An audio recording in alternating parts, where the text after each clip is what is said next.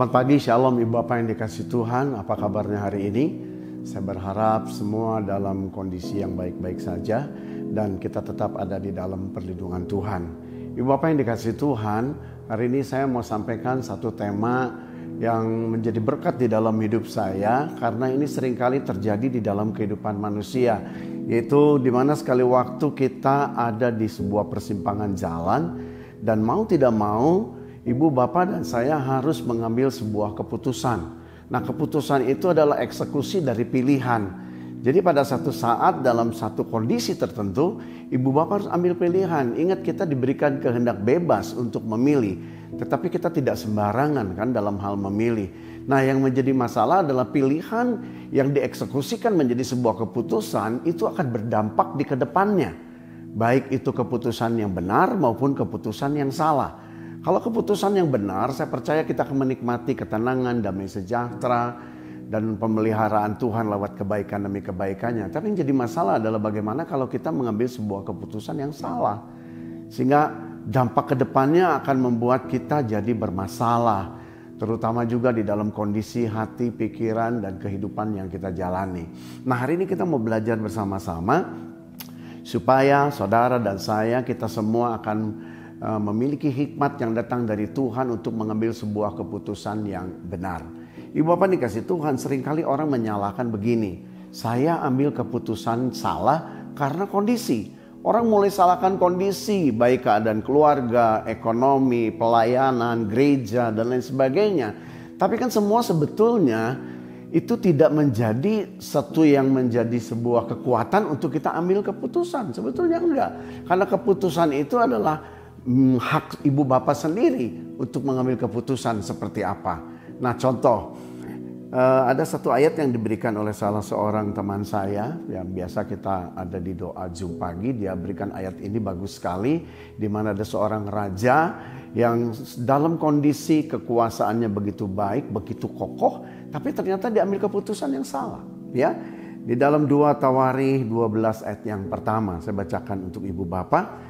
Rehabiam beserta seluruh Israel meninggalkan hukum Tuhan ketika kerajaannya menjadi kokoh dan kekuasaannya menjadi teguh. Perhatikan di sini, dia bukan pada satu titik terendah atau dia dalam kondisi tekanan. Enggak. Tapi justru dikatakan di sini dia meninggalkan Tuhan atau peraturan atau hukum-hukum Tuhan justru pada kondisi kerajaannya sedang kokoh, kekuasaannya sedang teguh. Nah, Ibu Bapak yang dikasih Tuhan, saya mulai merenungkan. Kenapa Rehabiam berani ambil keputusan untuk meninggalkan hukum Tuhan? Bukankah hukum Tuhan menjadi sebuah rambu bagi kita orang percaya untuk kita tetap berjalan di dalam kehendak dan rencana Tuhan? Saya berpikir begini, dia sudah punya kekuasaan, dia ingin nyaman hidupnya, dia ingin bebas. Nah salah satu yang harus dia kerjakan untuk dia menikmati kebebasan, Allah dia hancurkan pembatas-pembatas ini.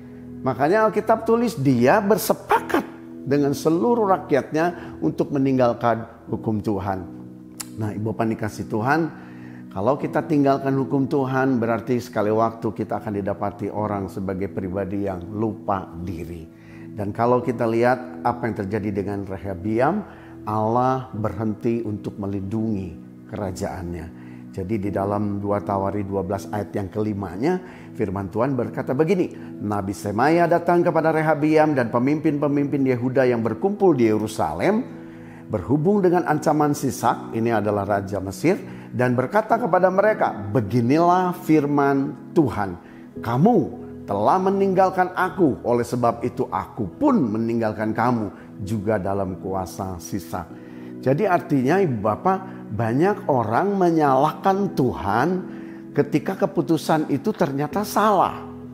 Kalau ibu bapak lihat, waktu Rehabiam ambil keputusan untuk meninggalkan hukum-hukum Tuhan, ini yang terjadi. Ya, kerajaannya diancam, diserang dan akhirnya juga kalah. Nah, mari kita mau aplikasikan di dalam hidup kita. Ada banyak saya menemukan orang-orang mulai menyalahkan bukan bertobat karena ketika keputusan salah sebetulnya jalan utama adalah pertobatan. Hanya itu berbalik dan bertobat supaya Tuhan kembali campur tangan. Tapi banyak orang istilah orang sini bilang kekeh, ngotot bahwa dia benar padahal dia salah.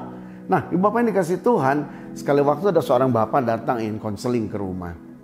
Kemudian kami konseling. Nah waktu saya konseling saya tanya, Pak apa yang saya bisa bantu? Dia cuma satu, to the point saja ya Pak Pendeta, tolong doakan saya.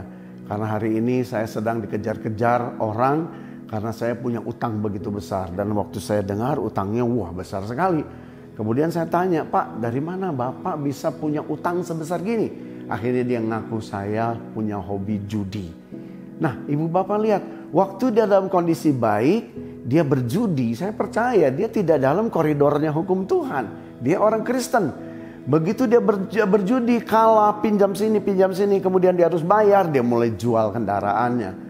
Judi lagi, dan waktu terus judi itu dia kalah lagi, dia pinjam sana pinjam sini, akhirnya rumah dijual.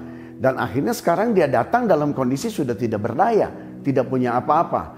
Nah iseng-iseng saya tanya, Pak hari ini masih judi enggak? Dia dengan tersenyum kecil bilang begini, Pak Pendeta bagaimana bisa judi? Uang aja nggak ada. Nah artinya dalam jawaban ini dia belum bertobat dengan tulus. Yang diharapkan yang Tuhan campur tangan untuk bebaskan dia dari segala utang dan kejaran orang penagih hutang. Tapi kalau dia dikasih uang lagi, judi lagi. Nah ibu bapak inilah yang dimaksud dengan saya bahwa seharusnya ketika kita menyadari ada keputusan yang salah.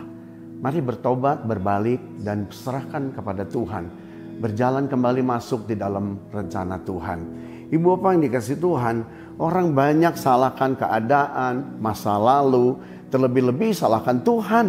Kenapa Tuhan izinkan saya ambil keputusan yang salah? Eh nanti dulu. Waktu ibu bapak ambil keputusan, apakah bawa, ibu bapak bawa itu di dalam Tuhan atau tidak? Seringkali kan kita tidak pakai hikmat Tuhan. Kita putuskan dengan emosi kita sendiri karena kita berpikir bahwa keputusan kita adalah keputusan yang the best, yang paling baik. Nah, ibu bapak ada satu jawaban utama untuk supaya ibu bapak bisa mengambil keputusan yang benar ya di doa kemarin dengan uh, para pemimpin, para pelayan Tuhan, Pak GP bilang begini bahwa untuk kita menjalani hidup dengan baik dan benar, fokus kepada rencana Tuhan di dalam hidup kita. Itu artinya gini, berjalanlah di dalam koridor rencana Tuhan. Ibu Bapak, hukum-hukum Tuhan itu ibarat rambu. Kalau kita mau berangkat ke Jakarta, Ibu Bapak lewat puncak, itu jalan tikungan, tajam, naik, turun ibu bapak bisa sampai dengan selamat tepat waktu kalau ibu bapak mengikuti rambu-rambu itu dan mentaatinya. Demikian juga dalam hidup kita. Kalau kita mau berjalan sesuai dengan rencana dan kehendak Tuhan, jadikan hukum Tuhan dan firman-Nya menjadi rambu-rambu dalam hidup saudara. Sehingga demikian saudara akan tetap ada di dalam rencana Tuhan, tetap ada di dalam kehendak Tuhan. Dan ibu bapak akan sampai dengan apa yang dikatakan tujuan Tuhan di dalam hidup kita. Dan yang penting juga prioritaskan Tuhan. Kalau kita tidak prioritaskan Tuhan, kemungkinan besar kita ambil keputusan yang memuaskan sisi manusia kita. Jadi ibu bapak yang dikasih Tuhan, sebetulnya kalau kita mau dipimpin Tuhan, mari kita introspeksi apakah hari ini ibu bapak sungguh-sungguh mentaati firmannya atau tidak. Kalau kita melanggar hukum Tuhan, hidup di luar Tuhan, saya yakin banyak keputusan yang salah yang kita ambil. Tapi saudara, waktu saudara dan saya ada di dalam koridornya hukum Tuhan, ya, firman itu menjadi pelita dalam hidupmu, firman itu menjaga dan menjadi batasan-batasan dalam hidupmu. Saya percaya apa yang sudah Tuhan kehendaki dalam hidup saudara dan saya, kita akan sampai di tujuan itu. Nah, untuk itu mari Ibu Bapak, hari ini saya percaya apa yang saya terima menjadi berkat supaya kita boleh memiliki sebuah keputusan yang benar itu boleh berlaku dalam hidup kita. Saya akan tutup dengan satu ayat di dalam Amsal 5 ayat 21. Firman Tuhan berkata begini, "Karena segala jalan orang terbuka di depan mata Tuhan dan segala langkah orang diawasinya." Artinya, saudara bergerak ke mana pun Tuhan tahu. Karena segala jalan dalam hidup manusia itu terbuka di hadapan Tuhan. Tapi yang jadi masalah kadang-kadang kita tutup mata. Seolah-olah apa yang kita lakukan Tuhan tidak tahu. Padahal tahu. Nah hari ini mari datang kepada Tuhan bawa segala beban dalam hidupmu. Dan biarlah di dalam seluruh perencanaan kita Tuhan campur tangan. Sehingga waktu saudara mengambil pilihan, maka pilihan yang kita eksekusikan menjadi sebuah keputusan, itu menjadi keputusan yang benar dan menjadi berkat dalam hidup ibu bapa dan saya. Saya percaya firman sederhana ini boleh menjadi berkat bagi kita semua. Tetap semangat, tetap sehat, tetap percaya dan ada di dalam perlindungan Tuhan. Tuhan Yesus memberkati. Shalom.